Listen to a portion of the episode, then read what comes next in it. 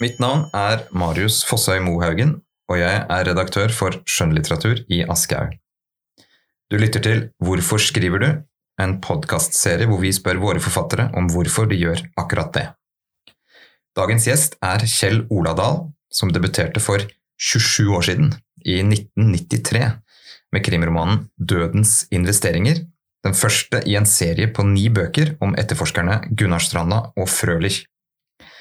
I tillegg har han skrevet den såkalte Lindemann-trilogien, en romanserie fra finansmiljøet, en novellesamling i tillegg til en rekke sakprosabøker. Dahl er ikke bare medlem av den eksklusive klubben av Riverton-prisvinnere. Han er også medlem av den enda mer eksklusive klubben av forfattere som har mottatt prisen to ganger, sammen med kanoner som Jo Nesbø, Torkil Damhaug, Karin Fossum og Unni Lindell. I høst er han aktuell med assistenten på Aschehoug forlag. Velkommen. Tusen takk.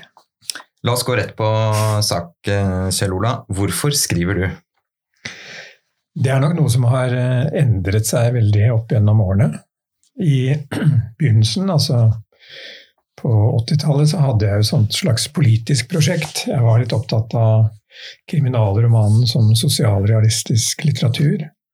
Og var veldig opptatt av at eh, kriminalromanen skulle ha en politisk eh, vinkling. Eh, jeg husker jeg var veldig Jeg leste et essay av Kjartan Fløgstad som het eh, 'Den dialektiske detektiv', hvor han brukte eh, amerikansk spenningslitteratur, av språket og klassestandpunkt, for å, liksom, å vise at dette hadde At det var liksom bra litteratur. Og det snakk, altså, det var jeg veldig enig i. da. Så Den første romanen min var, eh, var en kriminalroman med et klart sånn politisk agenda. Den handlet om eh, grådighet og noens vilje til å, til å utbytte andre og den slags. Eh, siden så har dette forandret seg veldig. Nå er det mer sånn at nå skriver jeg vel av mer av egenvilje. Altså, jeg, det er slik at uh, jeg skriver for å forstå meg selv, da. Og forstå verden. Og forstå hvordan verden er blitt som den er blitt. Og hvordan vi har det i verden, liksom. Og jeg har innsett at uh, den litteraturen som kan bevege verden, det er jo heller sakprosa. Hvis vi ser på litteraturhistorien, så er det jo Darwins 'Artenes opprinnelse' og Karl Marx 'Kapitalen' og sånn som, som, har gjort noe. Eh, og, og, det har jeg liksom erfart litt selv òg. Altså den boka jeg, hvor jeg har liksom preget samfunnet ordentlig, det var jo en sakprosabok om Scandinavian Star, skipskatastrofen. Og den boka som kom i 2012, la vel, var med å gi et momentum som skapet skapte ny etterforskning og en gransking. Og det er jo sånn med, med skjønnlitteraturen at altså selv om Hollebeck kritiserer Frankrike, så blir ikke Frankrike annerledes. Så skjønnlitteraturen er, eh, er mer for å få at leseren får bekreftet sine egne fordommer, og, eller blir provosert. da. Du, det, det, er veldig interessant det du sier om eh, at det er sakprosaen som beveger verden, og at, eh, at uh, skjønnlitteraturen kanskje mer beskriver den. Du har jo skrevet innenfor begge sjangere, og arbeider du også på forskjellige måter når du jobber med sakprosa fremfor skjønnlitteratur? Både og, kan jeg si. Altså, det er jo Innenfor sakprosa så er det veldig mye researcharbeid som som preger det du skal gjøre. For det er en, etterretteligheten er, er eh, betingelsen. Mens innenfor, eh, innenfor skjønnlitteraturen så er det diktningen fremdeles, da. Men der også er jo research og veldig viktig, særlig innenfor kriminallitteratur, fordi at den ligger så nær opp til virkeligheten. Eh, det å kjenne igjen virkeligheten er veldig viktig i den typen litteratur, syns jeg, da. Derfor er research også veldig viktig der. Mm. På hvilken måte er det du gjør research? Sitter du på Nasjonalbiblioteket, eller eh, hvor, hvor oppsøker du informasjonen? Det er veldig, veldig mye forskjellige teknikker. Altså du, jeg eh, Hvis du ser på sakprosa, sånn som Scandinavian Star, så var det jo å hente politidokumenter og gå gjennom det og, og snakke med overlevende og den slags. Men det å ha primær- og sekundærkilder, det er eh, det samme arbeidet. Altså, se på en roman som 'Assistenten', da, så er jo eh, veldig mye sånn historisk research. Det å liksom få på plass, eh, lese seg opp, ikke sant. Se på bilder, gamle bilder. Selv studere gamle kart. Lese også mye av litteratur fra samtiden for å få språket høre, se gamle filmer, høre på gamle radioprogrammer. Og selvfølgelig også gjøre intervjuer. Um, og i den romanen så er det vel eh, også noe som er knyttet til din egen familiehistorie. Ja. La oss eh, ta litt først om, om uh, boka, slik at vi har lytteren med oss. Altså, hovedpersonen i, i, assistenten er uh, Jack Rivers. Ja. Han er uh, spritsmugler, ulykkelig forelsket i Amalie. Og han blir innhentet eh, i en forholdsvis mislykket politiaksjon av etterforskeren Ludvig Påske. Dette er da i 1924. Så møter vi ham igjen 14 år senere. Da er han blitt eh, Påskes assistent, og Påske er blitt privatetterforsker. Um, og da rulles fortiden opp. Mm. Uh, og dette kan jo du få lov til å si mer om etterpå, men du har jo også sagt det at for, hvordan fortiden påvirker den nåtiden vi lever i.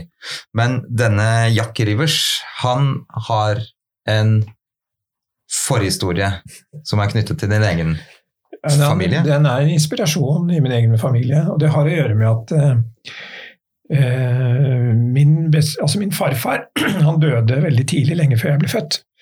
Slik at den siden av familien har aldri vært veldig til stede. Og det er jo alltid sånn at man angrer, ikke sant? at man ikke spurte foreldrene sine mer om familie og sånn. Så faren, da faren min døde, så, så, visste jeg fremdeles veldig lite. Men det var veldig mange elementer i den familiehistorien som jeg var interessert i å finne ut av. Da spesielt farfaren min, fordi han gjorde en veldig klassereise fra, fra å være, bo på en liten gruveplass uh, uten inntekter til å bli en veldig rik mann da, i alder av bare 25-30 år. Og mens jeg gjør disse researchene og, prøver å finne ut, eller se på folketellinger og, og så husker jeg jo det at uh, faderen nevnte en gang at onkelen hans var spritsmugler. Det sa han eh, fordi at jeg satt uh, Faren min og jeg vi delte denne interessen for krim. Så jeg husker jeg anbefalte da spesielt Arthur Omres bøker. Og da nevner han det der i en forbindelse. Og jeg trodde ikke noe særlig på det, men, men så, da jeg gjorde den der researchen, og så plutselig så får jeg bekrefta en del sånne historier da, som gikk på bygda, faktisk, om denne onkelen til faren min. Han var en veldig fargerik mann, og han hadde eh, bl.a. vært eh, deltaker i en eh, spektakulær politiaksjon i Holtekilen i Gjøvik. Eh, og da jeg gikk i Aftenpostens arkiver og fikk disse historiene bekreftet, og så gikk jeg selvfølgelig også i rettsarkivene og i Riksarkivet. Og så tegner det seg bilde av denne mannens karriere. Da, og det syns jeg var såpass inspirerende at jeg kunne ikke la det være, for å si det sånn. da ble det en roman ut av det? Ja. Dette er vel din andre roman som henter eh, stoffet sitt fra eh, en tid som ligger eh, Hva skal man si? Det er vel ikke akkurat en historisk krimroman eh, som sådan, men det er vel en eh, den, Det er jo mellomkrigstid. Forbudstid mellom, mellom to kriger. Eh, det er jo en veldig rik roman på mange slags vis. Altså eh, Det er et agentdrama, det er et drama om eh, kjærlighet og forelskelse og begjær. Det er spritsmugling, det er forbudstrid, det er klasse, et klasses arbeiderklasse. Eh, borgerkrigen i Spania spiller en stor rolle. Eh, det er jo veldig imponerende hvordan du har klart å sy sammen et sånt rikt tematisk kompleks. Eh, kan du ikke si litt om hvordan du hvordan har du tenkt der, rent ja. formmessig, for å kunne, kunne, holde så mange baller oppe i, i lufta? Ja, det var jo som jeg sa, altså eh, når du, Å skrive handler liksom om å prøve å forstå verden. Da. Og når du skriver historisk, så er det jo det å prøve å komme nær den tiden. Eh, og spesielt gjennom karakterene. Fordi eh, så, og, og eh, jeg har, som du sa, så har jeg skrevet en historisk roman tidligere som het 'Kureren', som også handler om krigen. Og da gjorde jeg veldig mye research på sant, hvorfor oppstår andre verdenskrig, f.eks.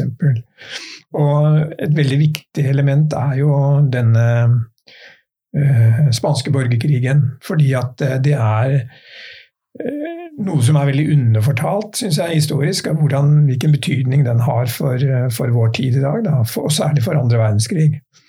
Og eh, på 30-tallet så var det en ekstremt viktig begivenhet. Eh, men det er jo i vår tid så er vi mer kanskje opptatt av krigen, Jalta-avtalen som delte verden, og så fikk du den kalde krigen, og så stopper vi på en måte opp.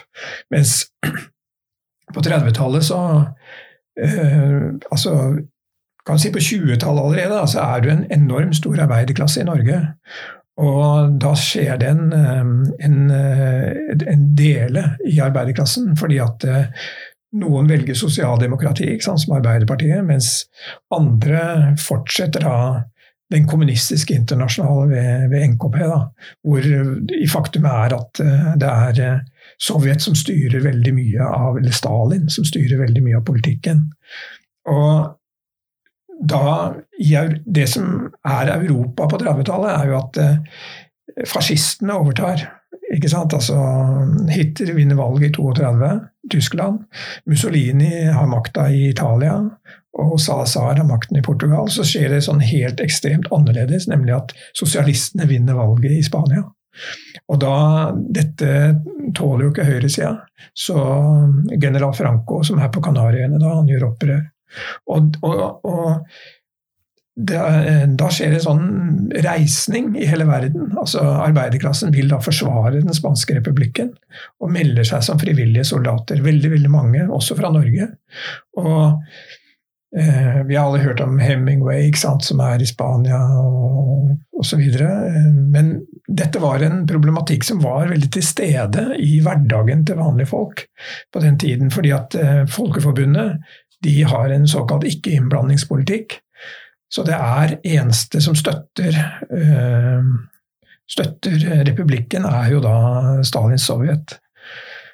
Mens Hitler-Tyskland og Mussolini støtter opprørerne. Så De bruker jo da krigen som et sånn prøvefelt. De, de bomber Guernica, de bomber Barcelona. ikke sant? Så da skjer denne forandringen fra krigføring. Altså Under første verdenskrig så er det skyttergravskrigen mellom soldater.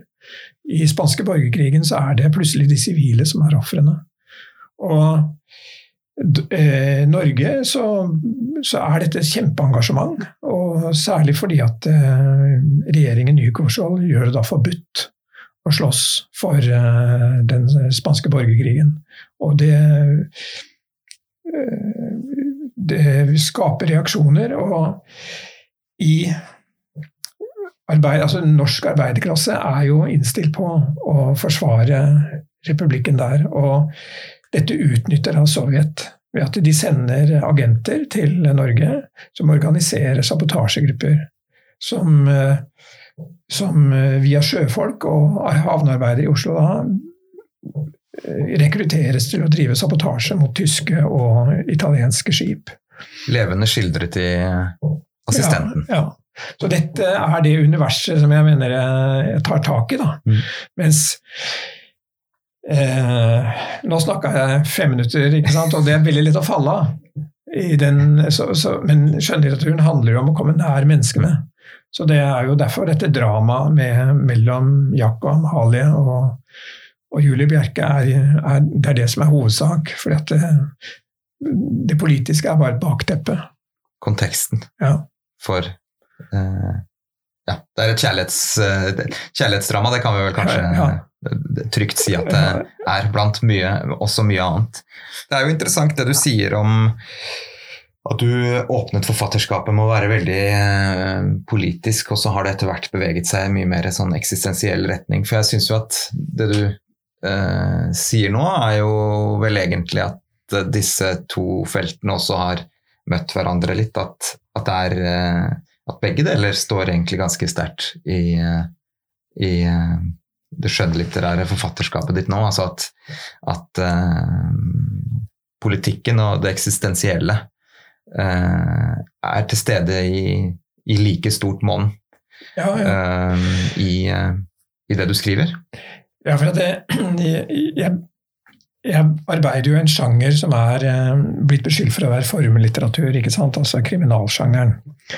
Jeg tenker når jeg, hvis jeg snakker om kriminalsjanger, så tenker jeg ofte litt på han eh, japanske maleren Hokusai, som maler den samme bølgen hele tiden, gang etter gang. Og noe av det samme er med å skrive kriminalromaner. Fordi at eh, altså, det er jo på en måte den samme historien. Det er, det er drap, og det er oppklaring og osv. Men eh, det handler om å gjøre den mangefasert og, og gjøre den bedre for hver gang. da. Mm. Og i det arbeidet der så er det klart at eh, jeg tar jo med meg min historie. ikke sant? Og den, mitt politiske engasjement og min, mitt eksistensielle ståsted, det, det, det, farver jo hele tiden måten jeg jobber på. Mm. Hvis du ser på den første, forrige eh, romanen min, som heter 'Søsteren', der er det politiske mye mindre til stede. For det er, det er mer en sånn ren politihistorie og, og en reisehistorie. da. Så men eh, ja, men det, det dukker hele tiden opp. Kommer tilbake. Du var innom uh, i sted Arthur Omre. Uh, men hva, hva Et altfor stort spørsmål, selvfølgelig. Hva leser du? Jeg, leser du bare krim? Nei, jeg leser uh, veldig mye. Jeg leser alt. Jeg tror at Husk på at eh, jeg tilhører en generasjon forfattere som er selvlærte, på en måte. Så jeg har ikke gått noe, noe skrivekunstakademi eller noe sånt. Så, og den læringa består av to ting. Det ene er å lese, og det andre er å skrive. Og lesingen er utrolig viktig. Så jeg leser bestandig, bestandig, leser hver dag. Eh, fyller dagen med, med det, fordi for å lære, og for å, for å Fordi det, det, er eh, nesten like viktig som å skrive. Men eh, da beveger jeg meg i Jeg leser mange ting på en gang. Jeg, akkurat nå så har jeg en, sikkert en tre-fire bøker gående som jeg leser. Hvilke er det, da? Det er eh, Først så leser jeg om en spekulant under jobbetida. Som en biografi av Geir Imseth. Og så leser jeg om kommunistene under andre verdenskrig av Terje Alvorsen, en sakprosabok. Så leser jeg en, en britisk eh, forfatter som heter Philip Carr, hans siste roman som heter 'Metropolis'. Og så leser jeg en ung debutant her på Aschehoug som heter Ulstein. Hege Ulstein. Silje Ulstein. Ja, Silje Ulstein.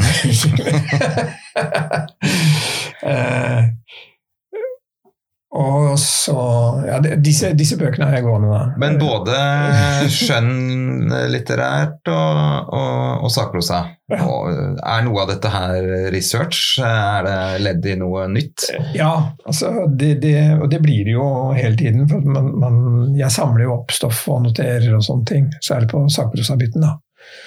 Men øh, det å lese skjønnlitteratur for meg også mm, For å lese og lære, da, ikke sant? Eh, du leser jo Altså Håpet når du går inn i en eh, roman eller novelle, er jo at man skal bli forført. Men samtidig, etter hvert som man blir litt oppi åra, så, så, har man også det derre forfatterblikket når man leser. Og det er nok viktig å lære. Lære av teknikker og grep og sånne ting. Og vurdere ting man leser. Jan Kjærstad har jo sagt i akkurat denne podkasten at um, han aldri leser uten blyant. Hvordan er det med deg? Jeg har den blyanten oppi huet, da. Ja. Eh, fordi eh, men, men, det er veldig godt sagt. Du, du, har hele tiden dette forfatterblikket ved siden av når jeg skriver, når jeg leser. Forfatteren tar aldri ferie? Nei. Men um, forfattere som har betydd noe for deg mer um, i, i, i ditt liv? Altså, du, du, sier jo at du gikk inn i denne sjangeren, eh, krimsjangeren, eh, med et politisk, politisk blikk. Forfattere som eh, Sjøvold og Valle, Dashiell Hammett Ja. Slike, har, har, er dette forfattere som har betydd noe for deg? Ja, ja, ja. Altså, særlig Dashiell Hammett da, uh, har vært uh, ja, med den ene romanen, ja, to romaner som uh, jeg husker jeg satte veldig høyt. og Det var en av Maltese Falken. Og andre var en som het Red Harvest. Jeg vet ikke om den er utgitt på norsk. Malteserfalken fordi at den er så rik. Da, den har, den, da bruker han veldig mange teknikker. Eh, og har eh, eh, Så den er på det på, Altså dette med falken og dette er at den, ut, at den provos, altså, provoserer og, og, utfordrer en del dogmer innenfor litteraturen. ikke sant? Det likte jeg veldig godt. Og, Hvilke dogmer er det du tenker ja, på da? For eksempel dette her dette her med Brigitte Shaughnessy som, som han altså han, han, det, er ikke noe happy end. ikke sant? Han, ut, han, han presser og presser og presser, og, og så står tilbake Sam Spade tilbake alene. ikke sant? Det, men det er veldig elegant turnert. da. Han har en historie, en sånn historie, fortelling i fortellingen der, om The Falling Beam, som uh, handler om en fyr som uh, han forteller om en fyr da, som, som, er på vei til jobben, og så ramler en stålbjelke ned fra skyskraper som er under bygging, og lander ved siden av han, en centimeter fra han. Og da, altså en person, da. Og denne fyren, han finner ut at plutselig han får en sånn erkjennelse at, at det var helt tilfeldig at han ikke døde. Og han innser også at hele livet hans består av slike tilfeldigheter. Han har ikke noe kontroll over sitt eget liv, for hele tiden så er det en sjanse for at han kunne ha dødd, men han gjør det ikke. Så han bestemmer seg for å ta kontroll over sitt eget liv. Da. Og flytter til et nytt sted og gjør sine valg, ikke sant. Og, og ny identitet osv. Når Sam Spade finner han, så er han akkurat den samme som han var før. Han går på jobben og unngår å få stålbjelker i huet. sånne, sånne, små, elegante ting. Men selvfølgelig også, hvis du ser på det politiske, så, så var jo Sjøvall og Valle viktig, men ikke så ekstremt altså de, For de, er, altså, de har sterke bøker, men også et par svake bøker. da. Men Ed McBain husker jeg satte veldig pris på en gang i tida. Og, ja, som også er noe av det samme som Sjøvall og Valle. Hvilke er de sterke bøkene til Sjøvold og Valle, for de som vil uh, ja, gå inn i det universet der? Jeg og titler, det er uh, altså, sånn som denne brannbilen som forsvant, tror jeg en som heter. Uh, Mannen på balkongen. altså de første mm. bøkene. Rosianna, for eksempel. Mm. Er det den hvor de finner et lik i, i den kanalen? Ja, det? og det er jo blitt en sånn uh, sånn urframføring ur av, av, det der menn som hater kvinner-konseptet. Ja. Og det er jo eh, du kan, Hvis du ser på Stig Larsson, så griper han jo fatt i dette her. Han prøver å gjøre noe med dette her med menn som hater kvinner, ikke sant? som en politisk kraft. Du har en gang sagt at du ønsker å sette romanpersonene dine inn i realistiske og krevende situasjoner. Ja. Hva legger du i det? Som jeg sa i stad, at uh, innenfor denne sjangeren i hvert fall, så er det viktig å prøve å komme så, så nær virkeligheten som mulig. Uh, fordi den uh, Om det ikke har skjedd, så skulle det ha vært slik at det kunne ha skjedd det som du eh, skriver om da. Eh, og selvfølgelig eh, Jeg liker å presse karakterene og plage dem, fordi at det gjør at jeg heier mer på dem, og at kanskje også leserne heier mer på dem. Og det gjør at, at eh, fortellingene blir mer uforutsigbare.